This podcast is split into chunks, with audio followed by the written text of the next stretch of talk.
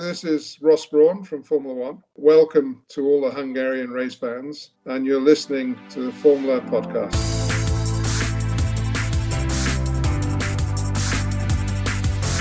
Formula Podcast, az autósport és formula magazin műsora. Futam összefoglalók, sztárvendégek, toplisták. Minden, ami F1 és autósport.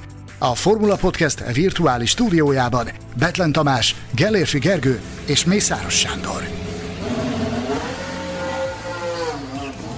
Hogyan lesz egy sportvezetőből a Forma egy legendája? Miképpen kell átvezetni a világ egyik legnézettebb sportágát egy új technológiai korszakba? Meglepődünk-e, ha kiderül, hogy az F1 főhadiszállásán magyar szakember is dolgozik? Üdvözlünk minden autósportszurkolót a Formula Podcast második évadának 69. adását hallhatjátok. Köszöntöm kollégáimat, Gelérfi Gergőt, illetve Mészáros Sándort. Szervusztok, szeretettel köszöntelek titeket, és nagyon szép hétvégét kívánok nektek. Sziasztok, üdvözlök mindenkit, különösen nagy tisztelettel és szeretettel üdvözlöm második számú sztár vendégünket, Betlen Tamást, aki hosszú idő után csatlakozik hozzánk itt a műsorban. Valóban engem Betlen Tamásnak hívnak, aki rég hallott rólam, az nem a véletlen műve, és ezúttal azt jelenthetem be, hogy egy exkluzív interjút fogunk veletek megosztani, melyet magával a Forma egy ügyvezető igazgatójával, Rossz Brannal készített Mészáros Sándor kollégánk. Ha kíváncsiak vagytok, tartsatok velünk! Első kérdés a szokásos az interjú szekcióban. Miért volt éppen most aktuális Rossz Brannal beszélgetni? Esetleg ebben az esetben is ő üldözött téged már hosszú ideje, és csak most tudtál időt szakítani rá, vagy másokkal volt, hogy felkerült a, a trófea faladra az ő interjúja, fényképe is? Igazság szerint már tavaly is beszélgettünk arról, hogy Ross Brown egy nagyon érdekes interjú alany lenne, de ha valamikor, ő mindig aktuális, tehát ezt, ezt szerintem túlzás nélkül lehet kijelenteni, hogy mindig aktuális, hogy mindig olyan, mindig tud érdekes dolgokat mondani, de most ugye közel vagyunk a 2021-es szezon végéhez, amivel lezárunk majd egy korszakot, és átlépünk egy, egy új időszámításba 2022-től, amikor új filozófia mentén épült autók érkeznek, és ezt a bizonyos átmenetet, átmenetet magát az új korszakot is Ross Brown dolgozta ki, magát az átmenetet is ő zongorázza le, úgyhogy ő jelen pillanatban az epicentruma a Forma 1-nek. Mondhatni kétszeresen aktuális, hiszen az idei szezonban pedig az egyik fontos újítás volt a sprint, és ugye a sprintnek szintén meglehetősen sok köze van Ross Brownhoz, és vice versa. Bár ezt hozzá kell tenni azért, hogy a sprintről ö, megpróbáltunk ö, kevesebbet beszélni, mert Ross Brown olyan, hogyha elragadja a gépszi és a sprintről kell beszélni, akkor ő gyakorlatilag vége láthatatlanul tud, tudja ecsetelni a, a sprint melletti érveit. Természetesen beszéltünk a sprintről, de nem ezáltal középpontjában az interjúnak. Gergő, mint a Forma 1-es statisztikák és a tudományok felkent szakértője, tőled azt szeretném megtudni, hogy, hogy mit kell Ross Brannal kapcsolatban ismerni egy, egy valódi Forma 1 rajongónak. Ki ő, honnan érkezett, azt mindjárt meg fogjuk tudni, hogy hova jutott, de a múltjáról beszélj nekünk egy kicsit, kérlek. Az interjúban is említi ő majd a, a fő főbb állomásait az ő pályafutásának, és egy-két kevésbé ismert dologra is rámutat, például, hogy a Williams istáló alkalmazásában is állt, erről nagyon érdekes dolgot mondott. utána, tehát a Formula 1-ben igazából három olyan állomáshelye volt neki, amiről ő igazán ismert, három csapattal szerzett ő világbajnoki címeket, ugye először a Benettonnal, ugye ott a a, a Ross Brown Mihály Schumer páros az a Benettonnál állt össze először, és ugye ő ott volt Mihály Schumer első két világbajnoki címénél, ahogy ott volt ő a többinél is, hiszen a Benetton követően ő is, ő is követte Schumachert a Ferrarihoz, és és hát ott alakult ki az a, az a szent háromság, a, a Jean-Tot, Ross Brown, Mihály Schumer szent háromság, amely azt a ferrari a Formula 1 történetének talán legnagyobb, de mindenképpen egyik legnagyobb csapatává tette és aztán ahogy elmúlt a nagy korszak, ahogy, ahogy Mihály Schumacher először visszavonult, úgy Ross Brown is új kihívásokat keresett, és ezt az új kihívást a Hondánál találta meg. Amivel ugye világbajnoki címet szerzett, csak akkor már nem Hondának hívták ezt a csapatot, hanem Brown GP-nek, hiszen a Honda távozása után Ross Brown, hát mondhatni megvásárolta a csapatot, valójában ezért igen kevés pénzt fizetett, de annál nagyobb pénzösszeget kellett beletolni ennek a csapatnak a működtetéséhez. Egyetlen szezonon át működött a, Brown JP nevű istáló, és hát azért azt hiszem, aki már akkor Formula 1-et nézett 2009-ben, az sose fogja elfelejteni, hogy azok a hófehér autók megjelentek, és legyalázták a Formula 1-es mezonyt a szezon első felében.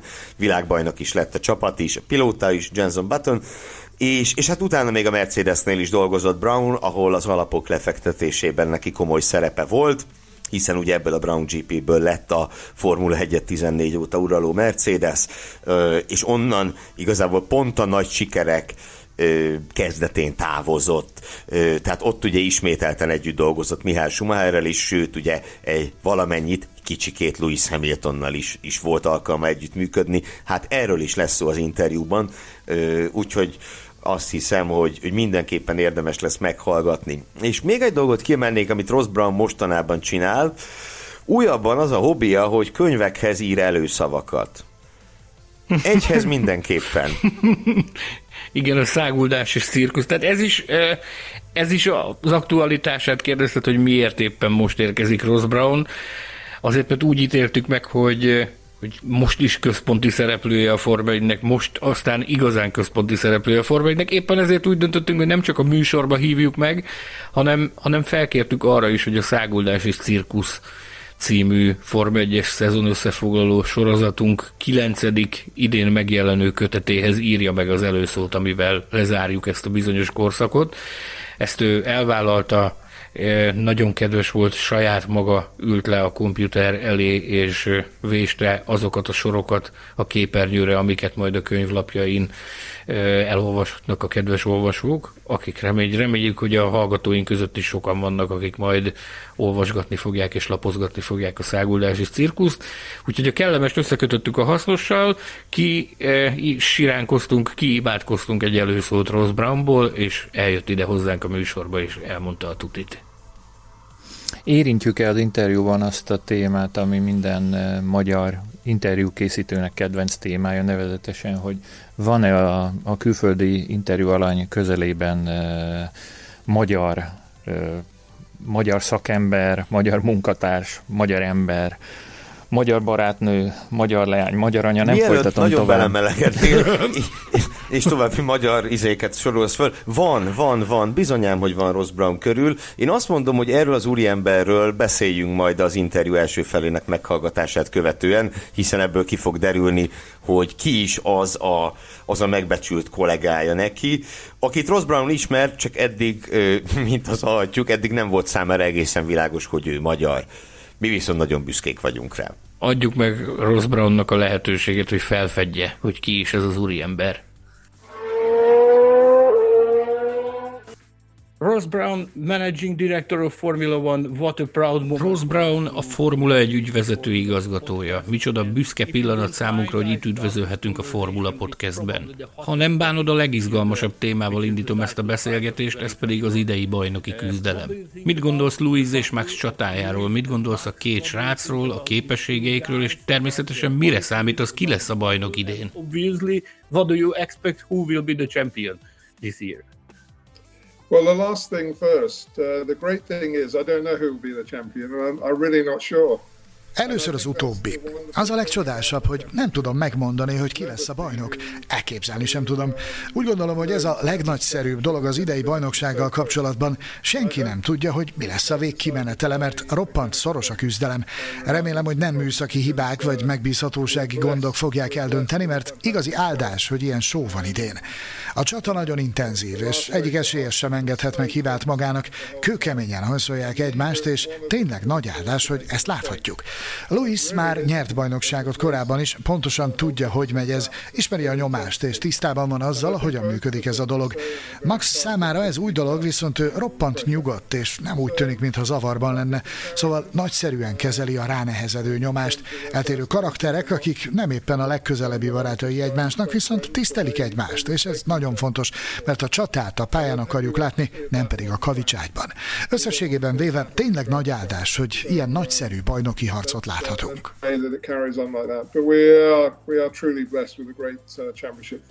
Talking about Formula One Ross. Az F1-ről beszélve Ross, 2021 egy éra végét jelenti, amelynek az utóbbi néhány évét már a Liberty Media kontrollálta. Te vagy az eredeti Szent Háromság utolsó tagja, hiszen Sean Brecsiszt, Chase Carey-t és téged így neveztünk, hogy a Szent Háromság. Minden területen tettetek komoly erőfeszítéseket, de te magad személy szerint hogy látod, mik a legfontosabb érdemei ennek az utóbbi néhány Liberty évnek az F1-ben? Well, I, I don't think nem gondolom, hogy van egyetlen olyan változás, amelyet érdemes lenne kiemelni. Úgy szoktam ezt elmagyarázni, hogy az F1 olyan, mint egy hatalmas olajtankerhajó, amelynek nagyon nehéz irányt váltania, de nyomás alatt tartottuk, próbálkoztunk és nyomtuk együtt, hogy jobb irányba álljon. Nem lehet egyik napról a másikra megváltoztatni.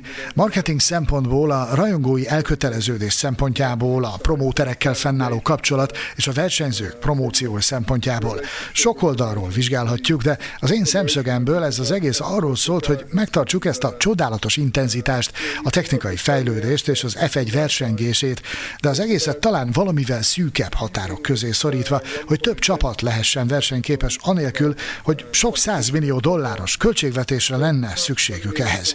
Úgy gondolom, hogy sok apró, de jelentős fejlesztést valósítottunk meg. Ezeknek köszönhetően jelenleg csodálatos versenyzést láthatunk, a Formula 1-es istálók egészségesek és jó állapotban vannak. A csapatok hirtelen értékesek lettek, mert az istálók gazdasági helyzete sokkal jobb lett. A promóterek is jobb helyzetben vannak, így egyre több helyen látunk remek remek közönséget. Összességében véve minden előrelépett, de sajnos ennek a folyamatnak a kellős közepén kellett megbirkóznunk a Covid-dal.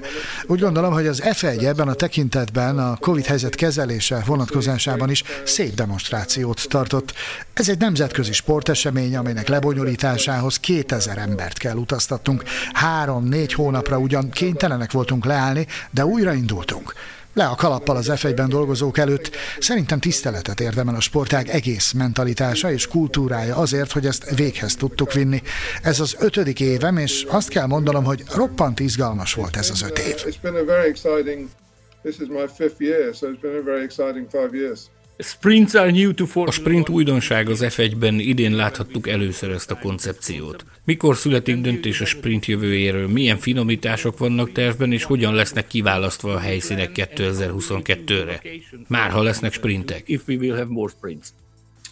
Yeah, I think uh, there's definitely a great foundation úgy gondolom, hogy az alapok nagyon jók, és ezekre kell építkeznünk. Nem tökéletes, de azt láttuk, hogy ennek hatására fokozódott az érdeklődés a rajongók részéről.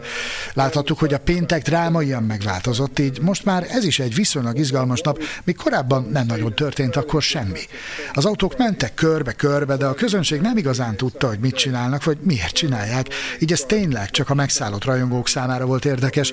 Így viszont már a péntek is érdekes, hiszen van aznap egy időmérő edzés, annak minden izgalmával együtt. A szombat egy teljesen új formátum, és azt láttuk, hogy nagyon szépen felváltotta az időmérő edzést, így meg pénteken jelentősen nőtt, addig ezen a napon meg is marad az érdeklődés. Ez az egész hatással van a versenyre, amit is Monza szépen megerősített, ahol a verseny a sprint miatt alakult úgy, ahogy történt. Van még egy ilyen eseményünk Brazíliában, egy másik jellegű pályán, aztán kiértékeljük ezt a sorozatot, majd finom hangoljuk. Nem gondolom, hogy drámai változásokra kell számítani. Jövőre hat futamon szeretnénk sprintet, így az évad vége felé összeülünk majd az FIA-val és a csapatokkal, hogy megnézzük, tudunk-e találni megoldást arra, hogy jövőre hat ilyen eseményünk legyen. Mi a magunk részéről úgy érezzük, hogy a rajongók nagyon támogatják ezt, és komoly potenciál rejlik ebben. Szerintem remek, hogy az F1 ki tudta próbálni ezt, anélkül, hogy rányomta volna a bélyegét az egész szezonra. Azt, hogy lehetőségünk nyílt kipróbálni ezt néhány futamon, az F1-nek a jövőben is fontolóra kell vennie más dolgok dolgokkal kapcsolatban, hiszen hogyan máshogy tudnánk fejleszteni a sportot? A sportágakat fejleszteni kell, nem maradhatnak örökké ugyanolyanok. In Silverstone you launched... Silverstone-ban láthattuk a 2022-es koncepcióautót, amit Louis egyszerűen úgy nevezett rossz autója. Ez valóban rossz autója? Mennyi saját ötletet vittél bele ebbe a koncepcióba, és hogyan képzeljük el ennek a koncepcióautónak a megalkotási folyamatát? The, the process of the development of this concept car. Ha őszinte akarok lenni, nekem nagyon kevés tennivalom volt az autó tényleges megtervezésével. Időről időre felülvizsgáltam a terveket, de szerintem elsősorban Pat Simmons az, akit a főalkotónak lehet tekinteni. Az Aero vezetőnkkel, Jason Somerville-el együtt. Ők voltak az új autó legfőbb tervezői. Olykor megmutatták nekem, hogy állnak, én magam pedig véleményeztem azt, és elmondtam, hogy mit gondolok mindenek előtt azért, mert számomra nagy jelentőséggel bír, hogy az autó jól nézzen ki. Szerintem ez roppant fontos, ha azt akarjuk, hogy az emberek izgalmasnak találják az autót. Azt tényleg kijelenthetjük, hogy én kezdeményeztem ennek az autónak a megtervezését, miután felismertem, hogy mi a probléma a jelenlegi autókkal. Nagyon nehéz követni a másikat. Erre egyébként remek példát láthattunk idén Austinban is, ahol Louis megközelítette Maxot egymás másodpercen belőle került, de hiába üldözte, nem tudta megtámadni. Hiszek benne, hogy a jövő évi autókkal már le lehet dolgozni a hátrányt, és ennek köszönhetően a versenyzésnek is izgalmasabbnak kell lennie. Semmi kétség, amikor megváltoztatod a szabályokat, fennáll annak a veszélye, hogy egyik vagy másik csapat hatékonyabban értelmezi a regulákat, és egy időre előnybe kerülnek. Ez most is megtörténhet. Úgy gondolom azonban, hogy az erőviszonyok ezúttal rövid időn belül kiegyenlítődnek majd, és szerintem a jövőre nézve sokkal jobbak lesznek a versenyzés alapjai. Uh, much better foundation for the uh, uh, racing in the future. As far as I know, you have a Hungarian... Ha jól tudom, van egy magyar mérnök is a stábodban, akit Balog Bencének hívnak. Ő is részt vett az új koncepció autó megtervezésében? Um, Bence jármű dinamikus. Nagyon sok modellezést végez a különféle tervekkel és változtatásokkal kapcsolatban. A jármű dinamikai főmérnökünk Craig Wilson alatt dolgozik. Craig segít az aerodinamikai szakembereknek megérteni a változások hatásait, igyekszik segíteni az autók jellemzőinek meghatározásában. Ami igazán érdekes, hogy Craig és a stábja, amelyben Bence is dolgozik, pályatervezéssel is foglalkozik. Nagyon aktívak vagyunk a pályák tervezésében tervezésével kapcsolatban is igyekszünk megérteni, feltérképezni, hogy milyen típusú pályákon lenne a legnagyobb potenciál a versenyzésben, hogy jön neki a legjobban az autók teljesítménye. Néhány hét múlva megyünk az új Saudi pályára. Nos, annak a koncepcióját már Craig csoportja alkotta, míg a részleteket Herman Tilke tervezte. Bence ezekben a feladatokban vesz részt, és nyugodtan mondhatom, hogy nagyon fontos tagja a csapatunknak. Egyébként őszinte leszek veled, eddig nem is tudtam, hogy magyar. Csak most jöttem rá, amikor mondtad.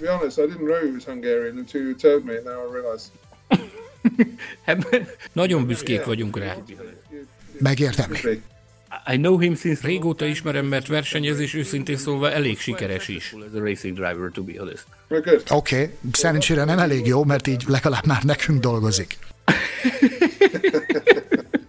Rossz, Rossz, ez az új autó, az új szabályok és a költségsapka bevonzhat új csapatokat az F1-be? Láthatunk új csapatokat a sportban a közeljövőben?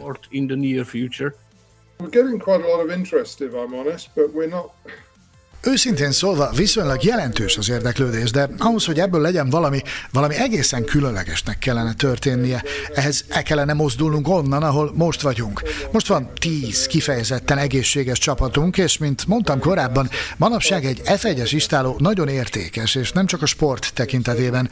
Hirtelen az embereknek feltűnik, hogy egy F1-es istálót egyszerűbb manapság finanszírozni, hiszen jelentős a pénzdíj, a kiadások kontrollálva vannak, ráadásul sok az olyan jövőre vonatkozó kezdeményezés, kezdeményezés, amelyek célja a költségek csökkentése.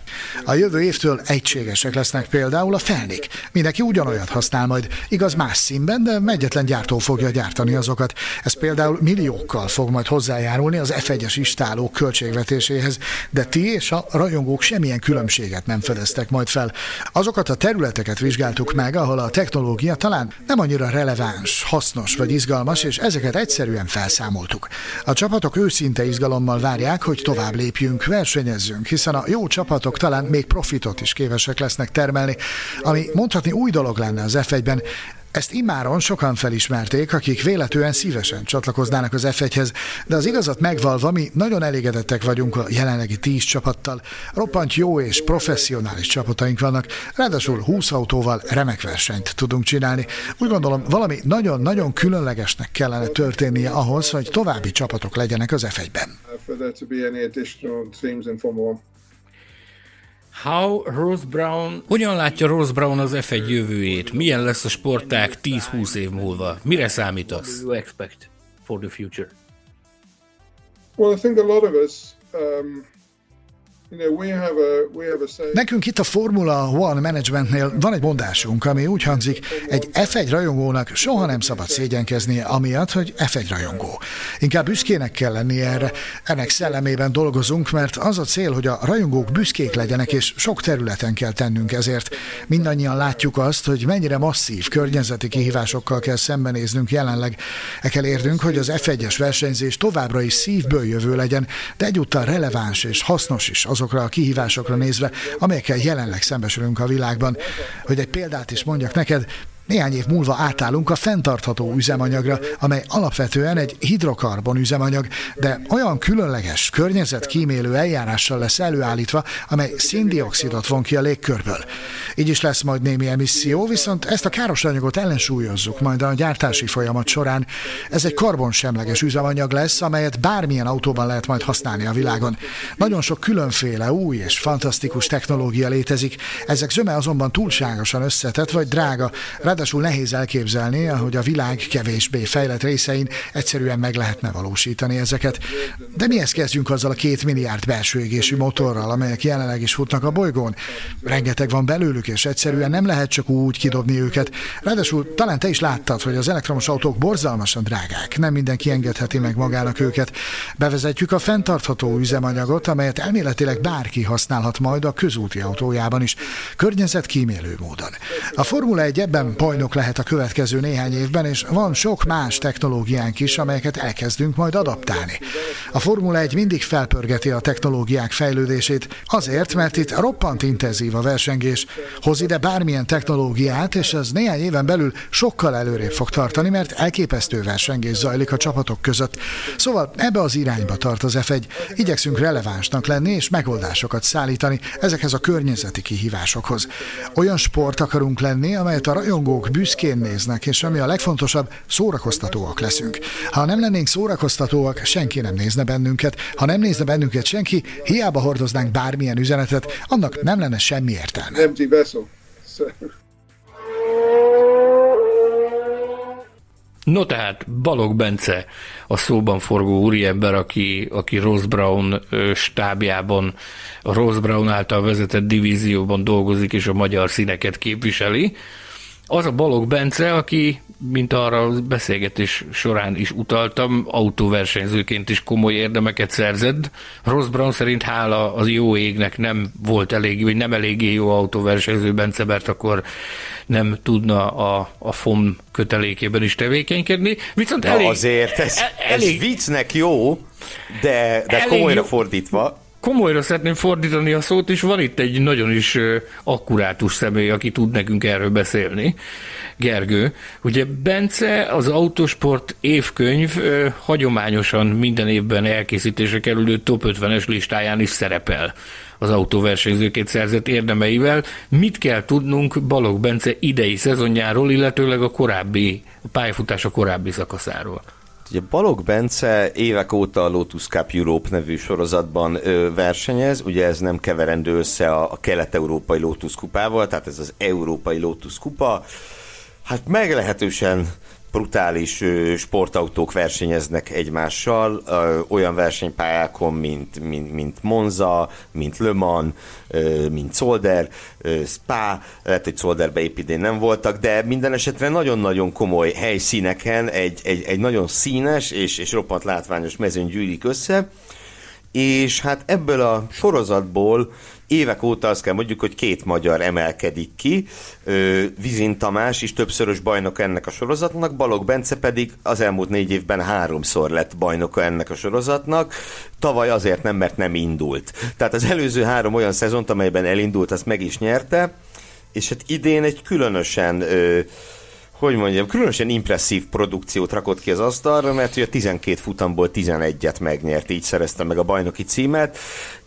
Ehhez azért nem kell sokat hozzátenni, én azt gondolom, hogy bármilyen bármilyen bajnokságban, ha 12-ből 11-et nyersz, az, az úgy eléggé rendben van. Az És, Az fancy. És nyilvánvaló, hogy nem mérhető mondjuk egy világbajnoki rangú sorozathoz ez a, ez a Lotus Cup, de egy színvonalas nemzetközi mezőny van benne, teg nagyon komoly helyszíneken, ö, nagyon profi versenyautókkal, úgyhogy persze, azért mondtam, viccnek jó az, amit, amit Ross Brown mondott, hogy szerencsére nem annyira jó versenyző, mert így tud dolgozni, azért mondjuk ki Balog Bence egy nagyon jó kis versenyző, ennek megfelelően, ha bár ugye korán van még, még nem jött ki az autósport évkönyv a nyomdából, éppen ezért még nem fedhetem föl a Betlen Tamás által rám ruházott, ruházott hatalomnál fogva, hogy hogy néz ki az a, a top 50 magyar autóversenyző listája, azért az annyit hadd mondjak el, hogy Balog Bence ugye az első 15-20-ban ott van az idei teljesítménye alapján, amihez ezúton is szívből gratulálunk. Persze nem csak ehhez, hanem az FIA-ban betöltött szerepvállalásához épp úgy. Fogunk majd készíteni interjút Balog Bencével az ő Form 1 előmeneteléről, meg nyilvánvalóan fogunk beszélni a versenyzői pályafutásáról is, megbeszéltük már vele, keressük az alkalmat, ami mindenkinek megfelel arra, hogy leüljünk és jó kifaggassuk őt, és elhozzuk ezt a beszélgetést ide a műsorba, de van itt közöttük valaki, aki már csinált nagy interjút Balog Bencével. Nagy interjút készítettem, igen, de egy, azt hiszem, hogy egy 5 perces riportban mintegy 30 másodperces rész került csak be a, Szép, a, nagy. az anyagba. Igen, igen, hát előfordul ez ebbe a szakmába, de a lényeg az, hogy engem nem lepett meg mindez, amiről beszéltetek. Egyik dolog sem, mert hogy rendszeresen tartanak a magyar autósport gyorsági szakágánál diátadó ünnepségeket, mondjuk tavaly pont elmaradt persze, ahogy a Migálánk is, és ott, ott elég gyakran megjelenik Balog Bence, és, és mindig díjakkal tér haza pont emiatt a teljesítménye miatt, és sikerült mikrofon végre kapni. Azt hiszem, hogy két évvel ezelőtt. Megnézem, hogy megvan-e még a nyersanyag, és akkor Csak kíváncsiak. Nem, nem, nem, nem most.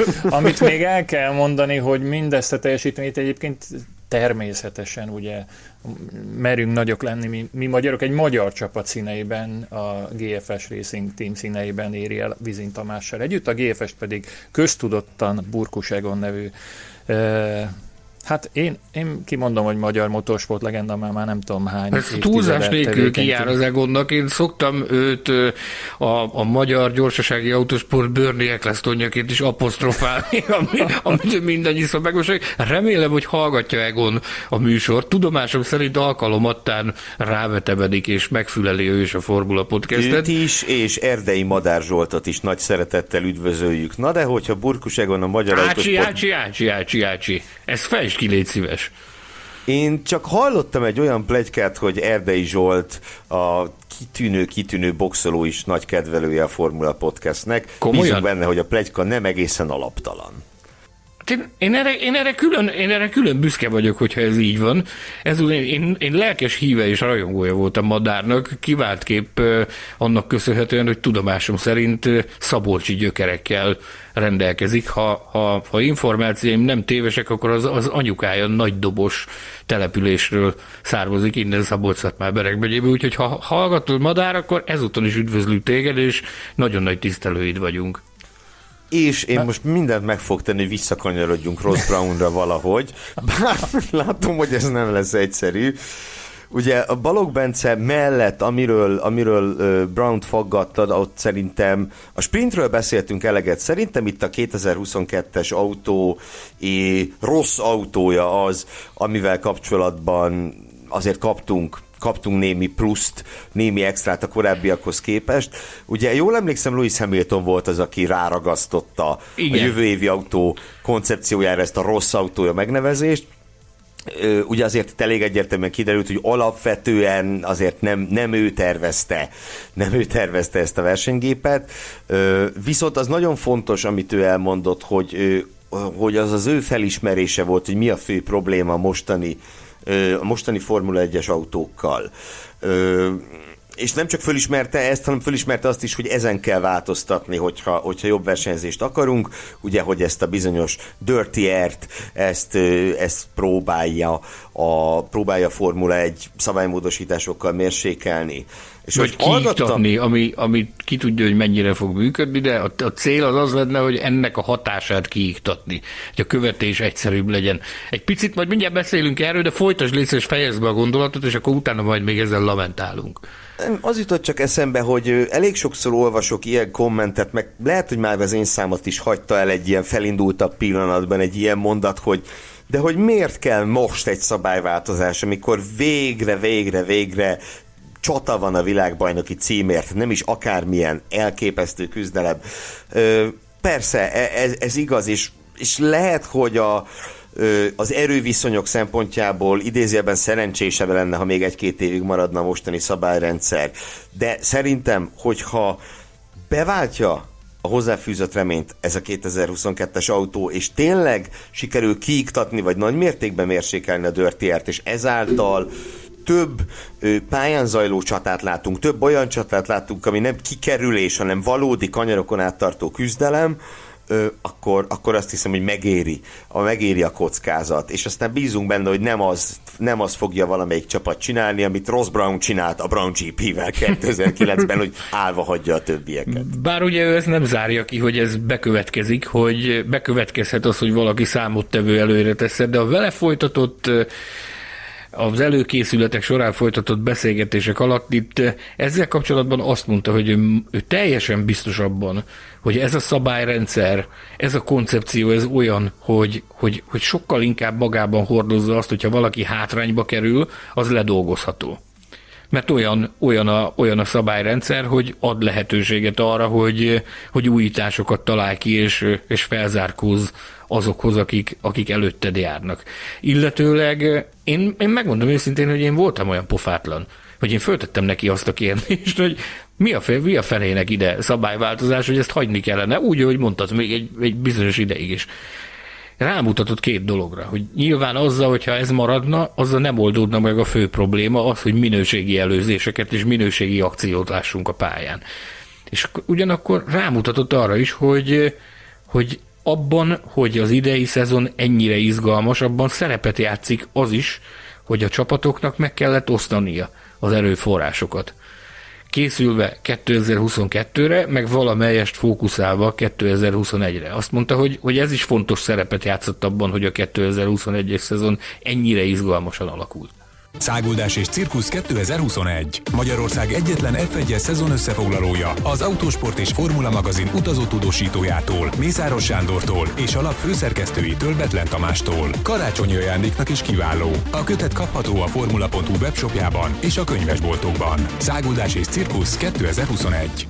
Azt hiszem, hogy ez a kérdés ez mindenkit izgat, hiszen uh nem is tudom mikor zajlott az utóbbi évtizedekben, Gergő biztos tudja olyan szabályváltozás, mikor esett, tehát mikor?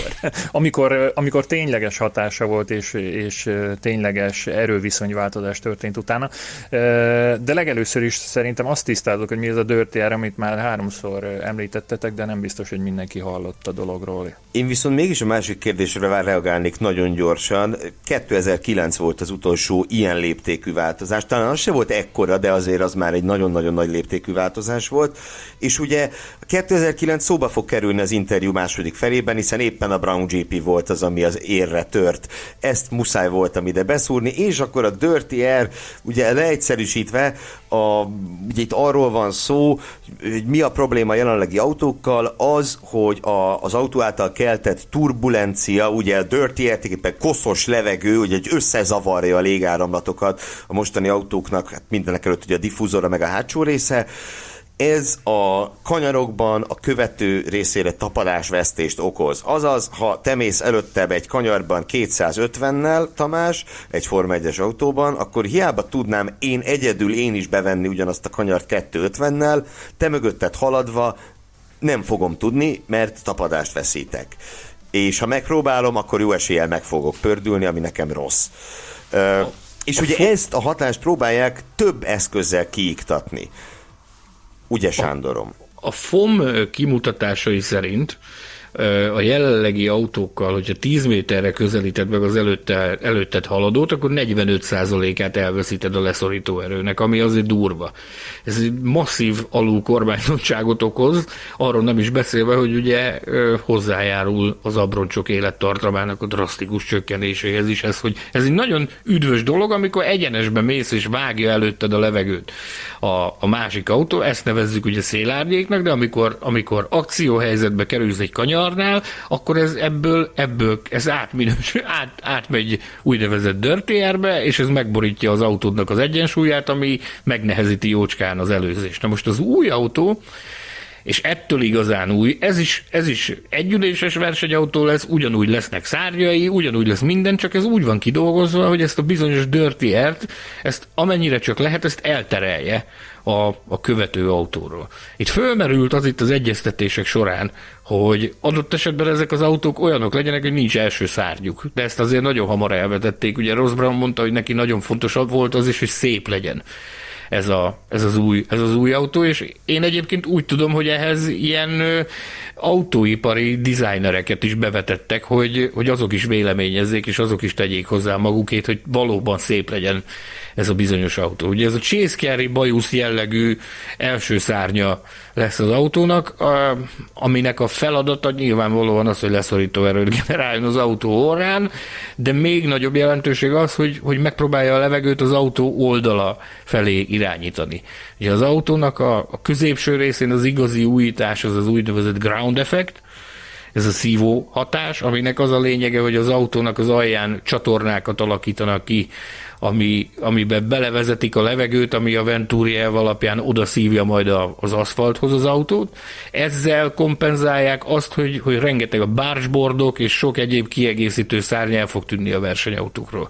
A 2022-es autó már nem lesz annyira ágos, bogas, mint a jelenlegiek, de a másik érdekesség az pedig a, a hátsó szárny, ahol megmarad a DRS, egyelőre, de bár fontolgatják azt is, hogy az első év után majd meglátják, hogy hogy alakul a történet, de az is megtörténhet, hogy a DRS eltűnik, viszont ennek a hátsó szárnyak a, szárnyak a lényege az, hogy egy rotációs légörvény keletkezik, ami fölfelé fogja nyomni ezt a bizonyos légörvényt, tehát a mögötte az üldöző autónak nem ebben, a, ebben az úgynevezett dirty airben kell haladnia, mert hogy a, ahogy halad majd a versenyautó, fölfelé fogja tolni ezt a, ezt a bizonyos légörvényt, ami, ami hozzájárul majd ahhoz, az ígéretek szerint, hogy, hogy könnyebb lesz jóval a követés és az előzés. Ez a 2022-es autónak tulajdonképpen a lényege. Ugye egészen régen fordult elő utoljára, hogy első szány nélkül üzemeltek Formula 1-es autók, már hogy rendszer szinten, tehát hogy az megesik, hogy valaki letöri és még kicsit közlekedik nélküle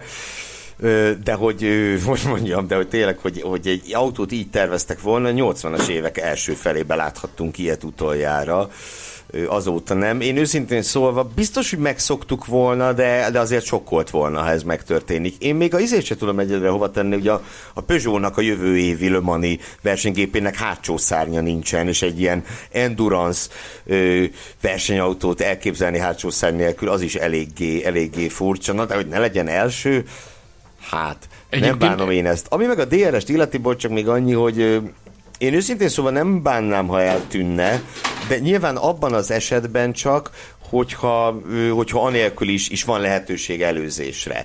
Na most, ha ezt meg valóban azt hiszem, hogy először meg kell látni 2022-ben, hogy a valóságban hogyan is szuperálnak ezek az autók, és akkor lehet aztán úgy dönteni, hogy esetleg a DRS-t kidobjuk. Ennek az autónak, tehát valóban fontolgatták egy darabig az, de állítólag nagyon hamar elvetették itt a koncepció kialakítása során azt, hogy első száj nélküli autó legyen. Viszont ami, ami nagyon érdekes, hogy az egész koncepció kialakításának a az a megtervezett, de valójában soha meg nem valósult 2017-es Marussia autó alapján álltak neki, az volt az az autó, amit megkapták a CFD rajzokat, meg, meg minden egyebet, és az alapján álltak neki kivesézni azt, hogy igazándiból az anatómiáját egy, egy jelenlegi Forma 1 autónak, úgyhogy ebből indult ki a történet, abból jutottak el odáig. Utána már kaptak támogatást más csapatoktól, meg, meg egyéb információkat, egész komoly, ahogy hallottuk, egészen komolyan összerakta a FOM ezt a motorsport divíziót. Ugye van a technikai jellegű, ami, ami az autóra fog fókuszál, ugye hallhattuk azt, hogy vannak szakemberek, akik dedikáltan segítik a csapatokat az új szabályrendszer megértésében, meg hát van most már úgynevezett ilyen pályaszáport is, ahol, ahol Balog Bence is dolgozik, ahol segítik gyakorlatilag a, a versenypályákat, hogy, hogy olyan ráncfelvarások történjenek a, a jövőben, amelyek hozzájárulnak ahhoz, hogy ezek az új autók, ezekkel az új autókkal igazán versenyezhetőek legyenek a versenypályák. Mit szólnátok ahhoz, hogyha javasolnám, hogy ne vegyétek el se Rossz Brown, se Balog Bence, se a F1 technikai fejlesztői osztályának a kenyerét, hanem térjünk vissza riporterkedésünkhöz, és beszéljünk arról, hogy mit akartak megtudni a Formula Podcast hallgatói Rossz Brandtól, vagy ben, belétek szorult még bármilyen mondandó ezzel a 2022-es fejlesztéssel, újdonsággal kapcsolatban? Nem. Figyelj, mi sportú... várom, ez. Mi, sportújságírók vagyunk, műsort is úgy csinálunk, csak próbálunk alkalomattán, mivel megkapjuk néha azt, hogy nem foglalkozunk eleget technikával, most, most megkapargattuk a, a felszét egy picit ezzel kapcsolatban. De azt hiszem semmivel kapcsolatban nem annyira fontos hangsúlyozni, mint az ilyen technikai részletekkel kapcsolatban, hogy nem értünk hozzá, és nem is szégyeljük ezt beismerni. De ha már a technikánál tartunk, akkor muszáj közbevetnem, nekem mindig muszáj valamit közbevetnem. Persze, persze hogy, a, hogy a kaptunk egy dicséretet, hogy a, a technikai minősége, a hangminősége mennyire jó a podcastnak, és ez nagyon jól esett nekünk, mert, mert tényleg megteszünk mindent annak érdekében, hogy, hogy akár még a, a stúdióban felvett podcastokat is próbáljuk utolérni, lekörözni, vagy legalábbis Melyik behozni. stúdióban felvett podcastra gondolsz most? Na mindegy, Mit? hagyjuk Nem is. Tudom. igen, hát az érdem egyébként mindenek előtt Hilbert Péter kiemelt művészeti igazgatói, aki tényleg Hát azért mondjuk ki ezt az interjút, amit most hallhattok, ezt éjfél és hajnal három között az alvás idejét feláldozva készítette el Péter elhivatottságánál csak a technikai érzéke a, a lenyűgözőbb. A végén én még Hilbert úrról szeretnék mondani valamit, de azt majd csak szigorúan a Lekovban. Következzék Ross Brown. Ross, as you know, you are not a legend. Ross, mint korábban mondtam, te nem is legenda, hanem egy igazi mítosz vagy a magyar rajongók számára, egy igazi ikon. Ezért adtuk meg nekik a lehetőséget arra, hogy kérdezzenek tőled. Most ezek jönnek, az első pedig így szól. Sok dolgot csináltál az F1-ben, de melyik szereped volt a legizgalmasabb és miért? I think probably the the rescue of uh, GP úgy gondolom, hogy a Brown GP, vagyis a Honda megmentése, mert hirtelen olyan új kihívással találtam szembe magam én is, a csapat többi munkatársa is, amivel korábban nem. Korábban soha nem kellett elindulnom és összeszednem a pénzt, amiből versenyzünk, hiszen számomra ez mindig adott volt azoknál a csapatoknál, ahol dolgoztam. Hirtelen a csapat megmentésére irányuló folyamat kellős közepén találtam magam, és elő kellett teremtenem a pénzügyi forrást ahhoz, hogy a csapat életben maradjon. Az alatt a 18 hónap alatt hihetetlen bajtársiasságot láttam az embereken, hiszen senki nem tudta, hogy van-e egyáltalán jövőnk, de mindannyian a tudásuk legjavát nyújtva dolgoztak, még akkor is, amikor elmondtuk nekik, hogy csak is létszámleépítéssel élhetjük túl. Akkor, ha 700-ról 400-ra csökkentjük a létszámot, meg kellett mondanunk nekik, hogy 300 embert el kell bocsátanunk. Voltak, akik még az utolsó munkanapjukon is teljes erőbedobással dolgoztak, hogy segítsék a csapatot. Amikor később a csapat újra elkezdett növekedni a sikerek hatására, ezen emberek közül sokan visszatérhettek, és ez fantasztikus volt. Ez volt a legkülönlegesebb időszaka a pályafutásomnak, mert teljesen más volt ahhoz képest, amit korábban tapasztaltam, pedig jó magam szerencsés vagyok, mert olyan brilliáns tapasztalatokat szerezhettem, mint például az első bajnoki cím Mihály Schumacherrel, vagy épp a bajnoki címek a Ferrari-val, amelyek azért voltak csodásak, mert előtte 21 éven át nem tudtak nyerni. Három éven át nagyon közel voltunk hozzá, mindig majdnem megcsináltuk, aztán egyszer csak végre megcsináltuk csináltuk. Ez tényleg különleges volt. Büszke vagyok a sportautók világában a Jaguárral nyert bajnoki címekre, mert szórakoztató volt, és valójában azt teremtette meg az alapot ahhoz, hogy sikereket érhessek el az F1-ben is. A sportautó versenyzésben akkoriban nagyon fontos volt a stratégia, az üzemanyag stratégia és a versenystratégia, míg az F1-ben ez még csak akkor kezdett igazán nagy jelentőségűvé válni. A sportautózásból visszatértem az F1-be ezzel a tudással, és ez komoly előnyt jelentett számomra. Nagyszerű idők voltak ezek, de a Brown GP volt talán a legkülönlegesebb. There is a funny question. Van itt egy mókás kérdés is, amely a Brown GP-hez kapcsolódik. Így hangzik. Te személyesen találtad fel a dupla diffúzort, vagy ha nem, akkor adtál-e vaskos évvégi prémiumot annak a mérnöknek, aki kitalálta? Engineer who invented it. Yeah, no, I didn't invent it. Um, Nem, valójában nem én találtam fel. Akkoriban ugye a csapat még Honda volt, és ők sokat költöttek az F1-re, sikert akartak elérni, és nem foglalkoztak azzal, hogy ez mibe kerül. Így egyszerre két szélcsatorna programunk is működött. Az egyik az Egyesült Királyságban, a másik pedig Japánban. A koncepcióval az egyik japán mérnök, a Honda egyik mérnöke állt elő. Az egyik technikai vonatkozású megbeszélésen mutatta be, és magyarázta el, hogy miről is van szó. Először mindannyian azt gondoltuk, hogy ez biztosan nem működhet, de minél inkább belástuk magunkat, annál inkább felismertük, hogy de, bizony működhet. Arra jutottunk, hogy ez egy olyan szabályértelmezés, amely megvalósítható. Ezért az FIA-hoz fordultunk, akik jelezték, hogy hajlamosak elfogadni ezt. Ez a bizonyos mérnök nagyon fontos szerepet játszott a Brown GP sikerében. Azt kell mondanom, hogy a dupla diffúzor volt a habatortán. Az autó egyébként is jó volt, de ez a bizonyos része elegendő ideig biztosított komoly előnyt nekünk ahhoz, hogy megnyerjük a világbajnokságot. Erre szükség volt, mert a többiek gyorsan felzárkóztak. Nekik sok pénzük volt, nekünk kevés, így nem tudtunk sokat fejleszteni, viszont ebből kifolyólag olyan előnyre tettünk szert, hogy meg tudtuk nyerni a bajnokságokat. There is another one about Brown GP. Van egy újabb a Brown GP-ről, a rajongó azt kérdezi, hogy mennyire lett volna más az F1 utóbbi néhány éve, ha nem adtad volna el a Brown GP-t a Mercedesnek 2009 végén. 2009. I, it's a good question. I mean, you know, the fate Ez egy nagyon jó kérdés. Tudod, a sors terelt ebbe az irányba, nem volt eltervezve. Soha nem terveztük azt, hogy a Honda kivonul. Egy évvel azelőtt érkeztem, hogy meghozták a döntést a kivonulásról, és bizonyos értelemben az a tény, hogy csupán egy éve voltam ott, kellő bűntudatot keltett bennük ahhoz, hogy eladják nekem a csapatot. Felismerték, hogy anélkül igazoltak le engem, hogy tudtam volna róla, milyen egyeztetések zajlanak a háttérben, és 12 hónappal később egyszerűen meggondolták magukat.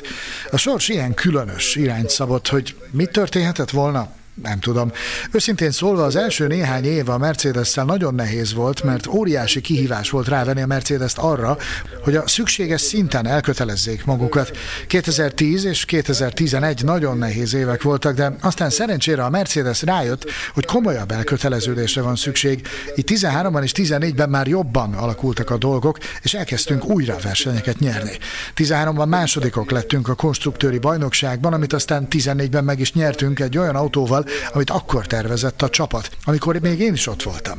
Összességében szerencsés, boldog és elégedett vagyok azzal, ahogyan a dolgok alakultak, semmit nem változtatnék ezen, és nincs olyan kívánságom sem, hogy bárcsak ez vagy az másképp alakult volna. Végül minden jól alakult. Ráadásul nagyon élvezem azt, amit most csinálok. Ez a munka nem olyan intenzív, mint ami a pitfallon zajlik, de számomra roppant izgalmas és kielégítő innen szemlélni az F1-et, hiszen imádom ezt a sportágat. get some satisfaction from the way I see Formula One going, which is a sport I love. We know Tudjuk, hogy nagyon szoros volt a kapcsolatod Mihály Schumacherrel, de munka tekintetében ki volt a második kedvenc pilótád az évek során, és miért? years and why. Yeah, again, I've, I've, I mean,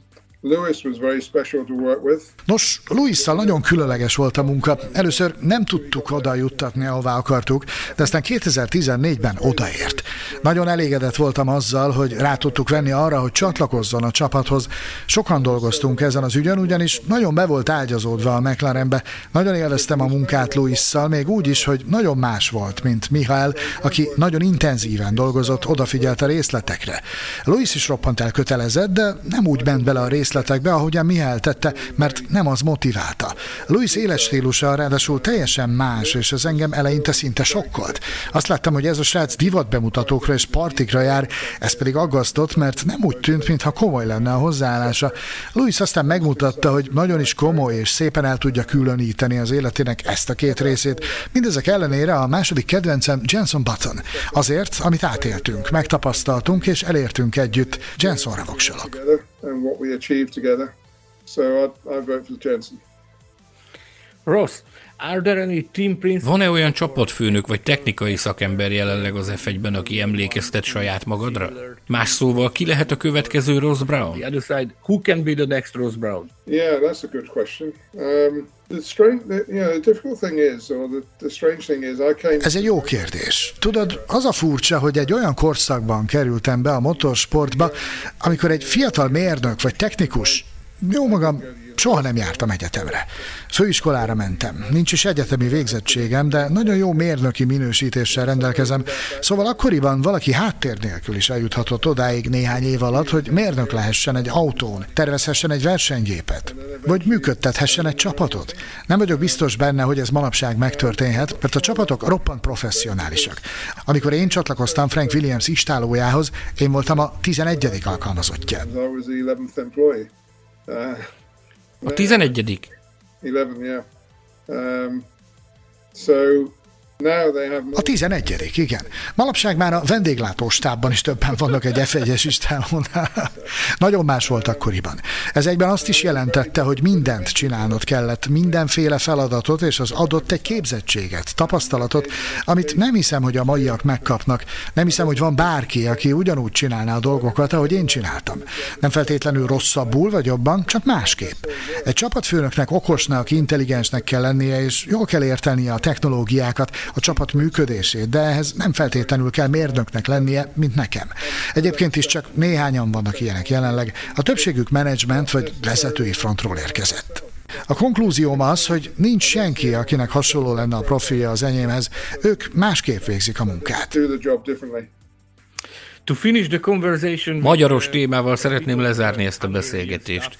Mi a véleményed a Hungaroringről, hogyan látod Magyarország szerepét az F1-ben? Well, I've been coming to Hungary, as you know, from the very beginning. A kezdetektől fogva járok Magyarországra, szóval láttam, hogy az ország milyen drámai változásokon ment keresztül az évek során. Akkoriban, amikor kimozdultál Budapestről, minden teljesen más volt, de mióta oda járok a verseny miatt, az ország hihetetlen fejlődésen ment keresztül. Mindig óriási szenvedét látok ott a nagy díj kapcsán. Arról már sokszor beszéltünk, hogy a pálya nagyon szűk és kanyargós, nem kínál sok előzési lehetőséget. Lehet előzni, de az óriási kihívás. Már beszéltünk a promóterrel arról, hogy támogatjuk őket, és nézzük át együtt, hogyan tudnánk fejleszteni a pályát, hogy több legyen az előzési lehetőség. Egyébként imádunk Magyarországra menni, szeretjük a kultúrát, az ételeket, remek éttermeket találtam Budapesten, főképp a folyó túloldalán. Az egész nagyon sokat fejlődött az évek során. A feleségem és én párszor a versenyek között nyaraltunk Ausztriában és Magyarországon, így alkalmam nyílt körbenézni vidéken is. Happy to hear that. You just mentioned that uh, you had Jó ezt hallani. Említetted, hogy tárgyaltatok a promóterrel esetleges változásokról, amelyek segítenék az előzéseket. A rajongók mindig vitáznak a pálya nyomvonaláról, de ha a te feladatod lenne, hogyan alakítanád át ezt a nyomvonalat? Hungaroring. How would you change the layout of this of this track? Well, um, uh, A pálya körül sajnos korlátozott a rendelkezésre álló terület. Tudok róla, hogy voltak egyeztetések arra vonatkozóan, hogy lehetséges-e bővíteni egy picit a pályát annak érdekében, hogy több helyünk legyen. Krék csoportjának és a ti magyar mérnökeiteknek sok elképzelése lesz arra vonatkozóan, hogyan lehetne fejleszteni a vonalvezetést. Már vannak eszközeink, modelljeink és szimulációink, amelyekkel pályákat tudunk alkotni, és fel tudjuk mérni, hogy mennyire nehéz előzni, vagy milyen típusú előzéseket lehet végrehajtani egy helyszínen. Nem egyszerű előzéseket akarunk, nem csupán annyit, hogy végig mennek az egyenesben, a végén pedig bevágnak. Olyan előzéseket akarunk, amikor az autók egymás mellett mennek végig, az első, a második és talán még a harmadik kanyaron is. Tehát olyan íven tudnak menni, hogy egymás mellett legyenek legalább három kanyaron át, mert ez az, ami izgalomba hozza a rajongókat. Az nem különösebben izgalmas, amikor az egyik autó megelőzi a másikat az egyenes végén egy egyszerű manőverrel. Az előzés típusa fontos, különösen. Megvannak az eszközök, a háttér és az ambíció, hogy bármely pályának segítsünk a javulásban. Az év végén jön Abu Dhabi, ahol az utolsó szektor kisé unalmas volt, de megváltoztattuk. Nem masszív változásokat vittünk véghez, csak apró nüanszokat változtattunk a kanyarokban. Nagyon izgatott vagyok Abu Dhabi miatt, mert szerintem ezzel a pálya és a verseny is nagyot lép majd előre. A big step forward in the type of track uh, that they race on. Nagyon sokat hallhattunk a 2009-es évről és a Brown GP-ről. Nekem az a kérdésem felétek, hogy konkrétan személyesen milyen emlékeitek vannak erről a csapatról? Egyáltalán emlékeztek arra, hogy miképpen jelentették be az érkezését, meg milyen esélyeit láttátok akkor az ő sikereiknek, aztán pedig a végén hogy, hogy éltétek meg, hogy ilyen gyorsan távoztak a porondról?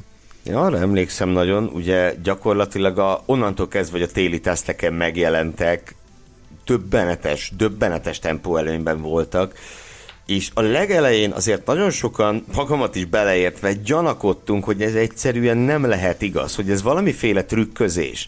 Ezt ugye az is alá, vagy az is erre utalt, hogy ugye nem voltak szponzoraik, gyakorlatilag az elején konkrétan nulla darab szponzor volt, és később se lett sokkal, nem lett szignifikánsan több. Ott volt ez a hófehér autó elképesztő sebességgel, és, és csak arra lehetett gondolni, hogy a, itt a teszten valami trükköznek, hogy izé üres tankkal, vagy könnyebb autóval mennek, vagy valami, amivel ő, próbálnak, ahogy mondjam, a sebesség látszatával a szponzorokat ő, csábítani. Aztán ugye egyre többen, még mindig a tesztek idején azért egyre többen, egyre mérvadóbb helyeken mondták, hogy hát nem, ez, nem erről van szó, ez, ez valós. De azt hiszem, hogy igazán csak az Ausztrál nagy időmérő edzésén hittük el ezt végleg, hogy itt ez tényleg ez történik, hogy az a csapat, amelyik az előző két évben, hát mondjuk ki, iszonyatos volt, Különösen 2007-ben rettenetes volt a Honda, de azért 2008-ban se volt jó. Ha jó, az nem ilyen. És, és ez a csapat ugye átfestve épített egy új autót, belekerült egy Mercedes erőforrás, és hülyére vernek mindenkit. Ugye az első hét versenyből hatot nyert meg Jenson Button. Egyetlen egy volt, amit nem ő nyert meg. És ugye hét verseny után hát, lehetetlennek tűnt, hogy őt bárki elkapja a világbajnoki címért. Ö, aztán ugye kicsit megfuttatta őt Sebastian Fettel a pénzéért, de így is az utolsó előtti futamon már világbajnok lett. Azt meg csak a törzs hallgatóinak mondom, hogy én akkoriban Sebastian Fettelnek szurkoltam. Ezen biztos, biztos aki meglepődik.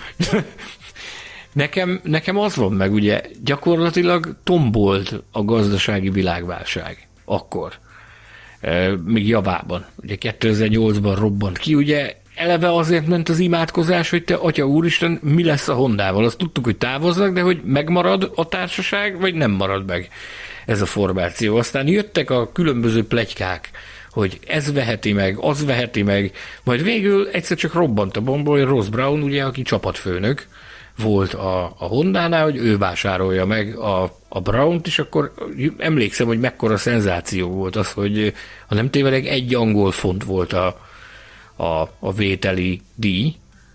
Ö, valahogy... Vagy egy dollár, vagy egy euró, de egy. Egy, egy egységnyi pénz volt egy az, pénz amit volt. azért, hogy, hogy rá tolják gyakorlatilag, hogy ne kelljen szélne kereszteni az égvilágon mindenkit. Aztán ugye lehetett hallani, hogy, hogy valami nagy dolog készült ott a, a boszorkány konyhában, Breckleyben, ott, ott valami nagy dolgot raktak össze, de, de az, az, az majd csak akkor fog kiderülni, amikor pályára gördül az autó. De ezt mindenki ilyen tündérmeseként gondolta, hogy á, nem lesz ebből semmi. Aztán jöttek ezek a bizonyos, ezek a bizonyos tesztek, azokkal az elképesztő észbontó, gyakorlatilag észbontó eredményekkel. Másodpercekkel verték a mezőnyt. Így van, a kislibazöld, a kislibazöld csík a, a fehér autón teljes őrület volt azzal kapcsolatban, hogy akkor mi fog ebből kisülni amikor jött... És azt is meg kell egyeznem, bocsánat, amikor megjelentek az új autók, ugye 2009-ben jobb volt ez a nagy átfogó szabályváltozás, a Brownie volt az egyetlen, amit szépnek találtam, mert több egészen rondára sikeredett abba az évben. A Renault, a BMW, a forma maga, az autónak a formája, és a Brown formája meg olyan egyszerű és letisztult hatást keltett. És még jól is állt meg ez a festés. Nyilván az, hogy nem volt szponzora nekik, az nem volt annyira jó dolog, de úgy jó nézett ki. Ugye az első három, ha nem tényleg az első hatot nyerte a, a Baton Zsinórban, ugye? Nem, hétből hatot. Fettel nyert hatot. egyet, azt hiszem Kínában. De Bocsánat. Hétből hatot. De arra, én, én arra tisztán emlékszem, hogy már az első három után beindult a találgatás, hogy ugye ezek az összeset megnyerik idén. Tehát olyan elképesztő domináns volt a formája, meg akkor már azért kiszivárgott ez is, hogy, hogy mi az ő titkos fegyverük, az úgynevezett dupla diffúzor, és ott gyakorlatilag azon ment a találgatás két-három verseny után, hogy ugye ezek az összeset megnyerik. Aztán ugye elfogyott a lendület, meg az csak főzárkóztak a a csapatok, ahogy arra Ross Brown is utalt, de amit az elején felépítettek, meg kiépítettek előnyt, az végül sikerült. Nagyon-nagyon-nagyon necces voltám a végén, mert a végére Fettel nagyon belelendült. Ha Hát meg a fejlesztésekkel ugye ők el-el lele maradoztak, Pontosan. Button nem is nyert többet. Viszont a szimpátia, az egész világ szimpátiája megvolt nekik azután a, a téli gyakorlatilag a túlélésért vívott tusa után az egész világ szimpátiáját élvezték, tehát én azt gondolom, hogy nagyon régen volt annyira egységes a Form 1 közvélemény, mint 2009-ben, amikor, amikor mindenki azt mondta, hogy gyakorlatilag ezt a világbajnokságot nem nyerheti senki más, csak a Brown GP és Jenson Button. Ugye Buttonnak is ez egy nagy ajándék volt, az, hogy annyi, annyi elszalasztott lehetőség után csak kiparancsolta a sors azt, hogy, hogy világbajnoki címet tudott nyerni a Forma azt se felejtsük el, hogy ott a, a valenciai meg a monzai győzelemmel azért egy pillanatra úgy tűnt, hogy lehet, hogy Rubens Barrichello is bele tud ebbe szólni. Ugye ő volt Buttonnek a csapattársa, és is egyes pillanatokban Barrichello sem volt annyira messze Buttontól. Ha jól emlékszem, akkor Interlagosban végül egy defekt nullázta az ő esélyeit matematikailag is. Az se lett volna amúgy kisebb sztori, uh, mint az ember nem is tudja, tudná, hogy melyik kezébe harapjon, hogy a Button világbajnoki címe, vagy az ezerszer lesajnált Rubens Barrichello világbajnoki cím, melyik lett volna szebb. Én azt gondolom, jó volt ez, ahogy volt. Button előtte is, és hát azért a McLarennel, főleg az első mclaren években utána is igazolta számomra mindenképpen, hogy ő, ő egy világbajnok alkat. Nem volt sokszor neki esélye a bajnoki címért küzdeni, Mm, ugye a McLarennél gyakorlatilag a legjobb McLarenes évében, 11-ben akkora volt a hátrány, hogy akkor nem lehetett. De itt viszont meg volt az esély, és, és még ha döcögött is a végén a szekérbe, de hát meg tudta csinálni a végére. Szenzációs volt. Azt uh, szeretném elmondani, hogy így jár, aki a végére kerül a sornak. Én is Barrichello-ra emlékszem, mert hogy nagyon uh, szembetűnő volt, vagy nagyon felkaptam akkoriban a fejem arra, hogy ő, ő kifejezetten követelte magának a, a, a jobb pozíciót, amikor még megvolt az esélye, és, és kiállt azért, hogy ő, a, ő érdemli meg jobban, ő az alkalmasabb a világbajnoki célra. Nem tudom, hogy ez megvan-e nektek, hogy emlékeztek Bizony. erre, de... Volt, de... volt egy olyan periódus a szezonnak, amikor, amikor meglehetősen hangosan próbálta bizonygatni azt, hogy, hogy bizony neki is megvan a, a szansz arra, hogy ezt a világbajnokságot megnyeri, és szerintem meg is érdemelni. Nem így alakult, viszont volt még egy ember, aki követelt valamit, Ross Brown volt, aki, aki ugyan nem a 2009-es évben, hanem néhány évvel korábban a, a Michelin gumibotrány, nem is Bristol Michelin, segítsetek már felidézni, Gumi, ugye a Ferrari Bristonnal ment, és akkoriban az a plegyka járta, hogy bizonyos hőmérsékleten ezek a barázdált gumik, amelyek azt voltak hivatottak elkövetni, hogy minél kisebb legyen, aránylag kicsi legyen a tapadás, ezek, ezek a barázdák kiszélesedtek, és a ferrari állítólag nagyobb tapadást adtak. 2003 vagy 4 volt. De nem így öt. volt, hanem a michelin vádolták volt. ezzel, nem? Fordítva bizony, a Ferrari vádolta a michelin ezzel. Igen. Akkor de hát régen jó, volt akkor... már ez. Én szerintem Nagyon. ez 2003, de... Ke- 2003 volt szerintem is. Mert ugye az volt az az év a Ferrari nagy korszakából, ö, ugye 2002 4-et abszolút leuralták, 2001-ben is azért elég brutális volt a fölényük, és 2003 volt az, amikor a Williams is, meg a McLaren is nagyon közel volt a Ferrarihoz, ugye az utolsó futamon dőlt el a világbajnokság, sőt két futamla véget még Juan Pablo Montoya is versenyben volt a világbajnoki Bizony. címért, és, és hát ebben az évben még, még a Renault is tudott erőből futamot nyerni és polpozíciót szerezni. Nem is akárhol. Hát Hungaroringen. A Hungaroringen, bizony, Fernando Alonso első győzelme. Bizony, bizony, bizony. De szóval, hogy ez volt az az év, amikor, amikor azért a Williams és a McLaren is, is úgy rángatta a Ferrari bajszát, meg ott volt a Renault, és mi volt ebben a háromban a közös, hogy ezek mind Michelin-nel mentek, szemben a Bristolos Ferrari-val. A történet maga az volt, hogy én, mint ilyen műkedvelő újságíró, azt hiszem, hogy Monzában ilyen körülbelül egy méterről próbáltam fotózni a, a Ferrari boxában a, a, gumi, a, a gumikat, az abroncsokat. És, ennek és egyszer csak valaki rátette a vállamra a kezét, hátra néztem, és egy nálam magasabbnak tűnő ember kérdezte, hogy mit csinálok, és, és mutatott kifelé, hogy... Nálad magasabb mer- ember, ez a zsantot lehetett. ő, ő volt. Ő volt. Olyan nagyon csúnyán kizavart Brown, és, és ugye akkoriban, hogy nem tudom, ez lehet, hogy még ma is megvan, hogy van egy kis félelem az emberben, hogy most amit csinál, az, az szabályos, vagy jól csinálja, vagy nem jól csinálja, és bármikor leveltik a nyakából a belépőt, úgyhogy én eliszkoltam, ezt így bevallom, bevallom így utólag. Hány év elteltével, 20 év elteltével, hogy bejöttem és elsomfordáltam a helyszínről. És ez Ross Brown, Ross Brown kipenderített. Ki akkor bólított? Képzeld el, amikor majd megküldjük neki a, a műsort, és látni fogja a, a borítón ezt a azt a, ez az a pofa, akit kidobtam a, a garázsból annak idején. Mit keres ez itt?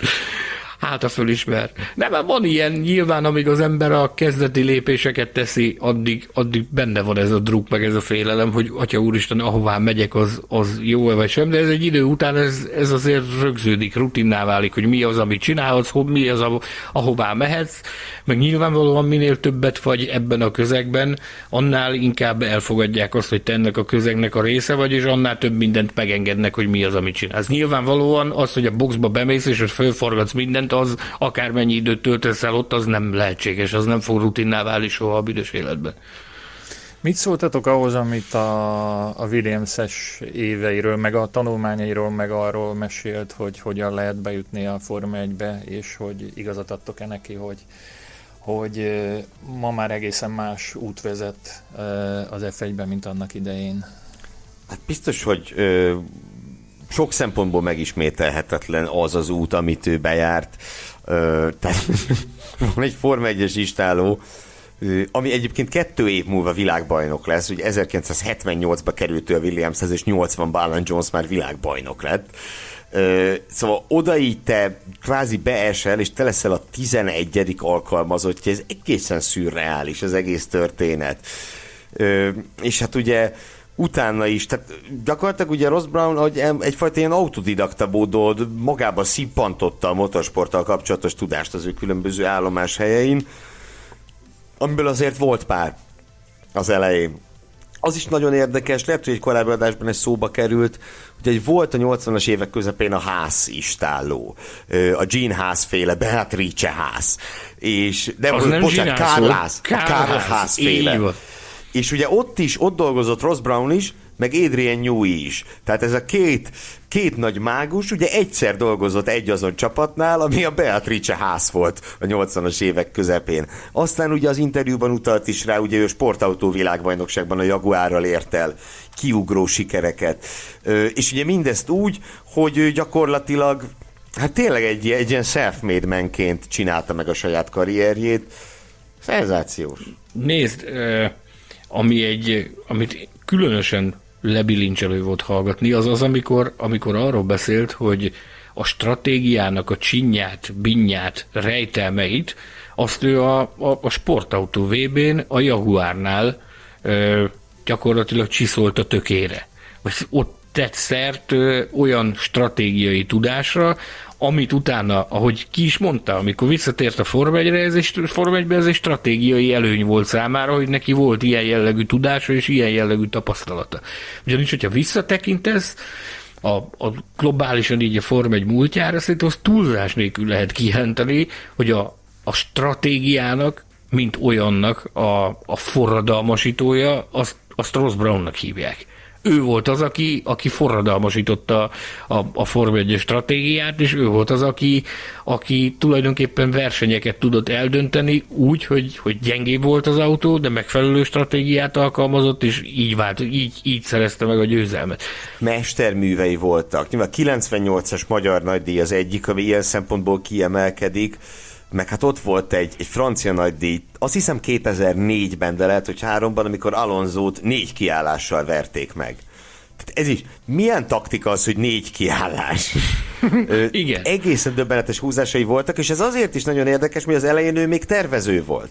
Ö, Az Eros, az Eros Megatron, mennyire jól hangzik már az Eros. Megatron, és ő tervezett ö, ugye az Aerosnak is autót, meg utána a sportautó VB-re is te- tervezőként került oda a Jaguárhoz, és stratégaként távozott. Gyönyörű, gyönyörű történet. elképesztő mennyiségű tudást ö, szippanthatott ő ott, ö, ott magában ezek alatt az évek alatt, amit a, a pályafutása elején. Ez, erre szokták azt mondani hogy nagyon sokáig, hogy ez a kuli munka, nem? Uh-huh. Ez, ez de, az a kuli de. munka, amikor ott vagy, tesznek ide, oda. Most ez lehet, hogy nyilvánvalóan ez olyan messze áll a mi versenyzésünk attól, amit Ross Brown csinál, mint Makó Jeruzsálemtől. De én tisztán emlékszem rá, hogy amikor belecsöppentem a terepraliből, fogalmam nem volt arról, hogy mi történik. Érted? Elképzelni nem tudtam, hogy ez most itt mi vár rám, amikor, amikor megindultunk Egyiptomba a sivatagba. És szépen lassan az ember ebből, hogy azt mondják neked, hogy te figyelj csak, ezt az alkatrészt, ezt vidd már oda annak az embernek, mert ő most fogja beépíteni. Azt megfogod, oda viszed, megnézed, hogy az azzal mit csinál. Az azt mondja, hogy jó, akkor most innen te ezt vidd oda a másiknak. Ez, az ilyen apróságokból elképesztően sok minden ragad az emberre, és hogyha ezek, ezt a tudást ezt megpróbálod hasznosítani meg, így igyekszel hasznosítani, akkor van esélyed arra, hogy lépdej fölfelé a, a ranglétrán. Szenzációs a Ross Brown. Egyszerűen lenyűgöző az a, az a pályafutás, ami mögötte van. Tudja Ross Brown, hogy kiküldte őt a William Istálohoz, mert Sanyi tudja, hogy őt kiküldte Egyiptomba. Ugye? igen, igen, igen, én tudom, hogy ki, Ross brown ő, ő tulajdonképpen ő érdeklődött a gyerekkorában egy, egy versenypálya közelében ez rémlik nekem. Meg egyszer valamikor régen hajdanában, Donában beszélgettem is vele erről, hogy valamilyen versenypálya közelében éltek ők, és már egészen kiskorában megfertőzte őt a, a motorsporti, motorsport szenvedély, úgyhogy részben tudatos volt ez, tehát ő kereste az utat, hogy, hogy hogyan lehetne a, a Forma 1 felbukkanni. Egyébként a Williamsnél egy álláshirdetés útján, egy újságban feladott álláshirdetés útján jelentkezett oda, és, és úgy vette őt fel, ha nem tévedek, személyesen Frank Williams. Egy nagyszerű interjún vagyunk túl, köszönjük, hogy ismét velünk tartottatok. Kérjük, hogy ajánljátok barátaitoknak, ismerőseiteknek is, hogy kövessék podcastünket Spotify-on és a többi netes lejátszó felületen tudjátok meghallgatni adásainkat. Csatlakozzatok a Formula Podcast Facebook csoporthoz, kérdezetek tőlünk ott vagy e-mailben, a címünk podcastkukacformula.hu. Ha pedig bárhol szóba kerülünk az interneten, nem olasszátok elhasználni a hashtag Formula Podcast jelzőt, hashtaget. Javasoljuk még, hogy hallgassátok MotoGP és testvérpodcastunkat is, melynek neve Formula Motocast. Ezen kívül olvassátok a formula.hu-t, lapozgassátok nyomtatott újságunkat, nézzétek tévéműsorainkat, kövessétek, mit kövessenek? Inkább keressétek könyveinket, hiszen ezek most nagyon frissek lesznek, ha minden igaz, a jövő héten már a könyves boltok polcain, illetve a webáruházunkban is elérhető lesz, a többi csecsebecsével együtt, mint naptár, poszter és sok egyéb más érdekesség. El szeretném még mondani, hogy milyen fontos, hogy látogassatok el Patreon oldalunkra, hogy miért érdemes ezt megtenni, annak rövid ismertetésére megint felkérem Gellér Figergő kollégámat, mint a téma szakértőjét. A téma hihetetlen nagy szakértőjeként ugye arról tudok beszámolni nektek, hogy a Patreon, amiről mostanában egyre többet lehet hallani a mainstream médiában is, egy olyan rendszer, amelyel a nektek tetsző blogokat, vlogokat, újságokat, műsorokat és autós podcasteket, autósportos podcasteket is ö, támogathattok egy kisebb, közepesebb vagy éppen nagyobb összeggel, havi rendszerességgel, vagy persze úgy is lehet, hogy az ember egy hónapig bekapcsolja, aztán kikapcsolja. Részletes leírás megtaláljátok a támogatási rendszerünkről a www.patreon.com per Formula Podcast oldalon és ott is válhattok a támogatóinká, csak úgy, mint a novemberi adásaink elkészítését támogató Bertalan Zoltán, Móni István, Varga Csaba, Hetyel Júlia, Végi Ádám, Visi Ákos, Ortnoémi, Tózsombor Fehér Ákos, Schneider Judit, Magda Zsanett, Odett és Molnár Árpád, nekik is, ahogy minden más jelenlegi, korábbi és jövőbeli támogatónknak is nagyon-nagyon köszönjük a hozzájárulást, amit a műsor életben tartására, sőt, javítására tudunk fordítani. Még egy fontos info, többen írtátok, hogy személyesen is nagyon szívesen találkoznátok velünk, már több lehetőséget is elkezdtünk erre kidolgozni, de azt gondoljuk talán, hogy nem a jelenlegi helyzet a legalkalmasabb arra, hogy nagy tömegben összegyűjjünk, és csináljunk ezt meg azt, meg még ráadásul beszélgessünk is, de meg tudjuk ígérni, hogy rövidesen, amint lecseng ez a bizonyos pandémia, sort kerítünk egy ilyen találkozóra, és mind a hárman ott fogunk ülni az asztal túloldalán, és minden kérdésre válaszolni fogunk. Addig is nem marad más feladatom, mint munkatársaim, barátaim, szerkesztő kollégáim Geléfi Gergő és Mészáros Sándor, a képek és borítók mestere vagy nagymestere Füzi András, valamint Hilbert Péter művészeti igazgató nevében is No, akkor búcsúzzunk. itt most félbeszakítalak. Ígértem egy sztorit Hilbert úrral kapcsolatban. Nem tudom kihagyni, muszáj vagyok elmondani. Peti, ne haragudj rám. Tehát ugye említette Gergő, hogy az ét nappal átéve dolgozik ez a jó ember, hogy, hogy bennünket minél magasabb színvonalon kiszolgáljon, és minél jobban szóljanak a műsoraink, és minden, minden a helyén legyen. Van ennek a drága embernek egy, egy jellegzetes mondása, amit, amikor telefonon hívom, 100-ból 99-szer ez a válasz, hívom, és akkor kérdezem, hogy mi újság, akkor ő erre azt mondta mondani, hogy megyek egy helyre akárhova tart, mindig ezt mondja, hogy megyek egy helyre. Úgyhogy most, amikor ezt elsütötte, itt a, a, a Brown interjúnak a szinkron készítése kapcsán, akkor mondta neki, te oda figyelj, mondom, felrobban a komputerem, annyira keresi a Maps azt, hogy hol van egy hely, az, az hol található, mert nem találunk ilyet. Na. Igen, meg két hely az Somogy megyében van, de hogy egy hely, lehet, hogy azért hely. megy ennyit oda, mert nem találja. Na. 70 hely Baranyában, csak mondom. Egy hely, kollégám. egy hely, kérlek szépen, az egy helyen létezik. A kiemelt művészeti főigazgatónál. Egy helyen ő a polgármester, polgármester, ő a képviselőtestület, ő a jegyzősöd, ő a lakosság is, úgyhogy eh, ha valaki megtalálja, hogy hol van egy hely, azt legyen olyan kedves, jelezze nekünk a Formula Podcast Facebook csoportban. Köszönjük szépen! Az igazgató úr, ahol van, ott van egy hely. Ez nem az az egy hely, ami a térképen van. Ebből csak egy van ez az egy hely. Az a lényeg, hogy nálunk se nem polgármester, se nem eh, képviselő, se nem jegyző, hanem a művészeti igazgató köszönjük a munkáját, és az ő nevében is búcsúzom. Néhány nap múlva, ha minden igaz, ismét találkozhattok velünk az éterben, vagy inkább az interneten. Addig is köszönjük a figyelmet, sziasztok! Hallgass meg korábbi műsorainkat, valamint iratkozz fel ránk Spotify, Google, Apple Podcast vagy más csatornáinkon. A linket megtalálod a leírásban, illetve a formula.hu weboldalon. Ha szeretnél hozzájárulni a műsor készítéséhez és fejlődéséhez, látogass el Patreon oldalunkra, amelynek címe www.patreon.com per Formula Podcast.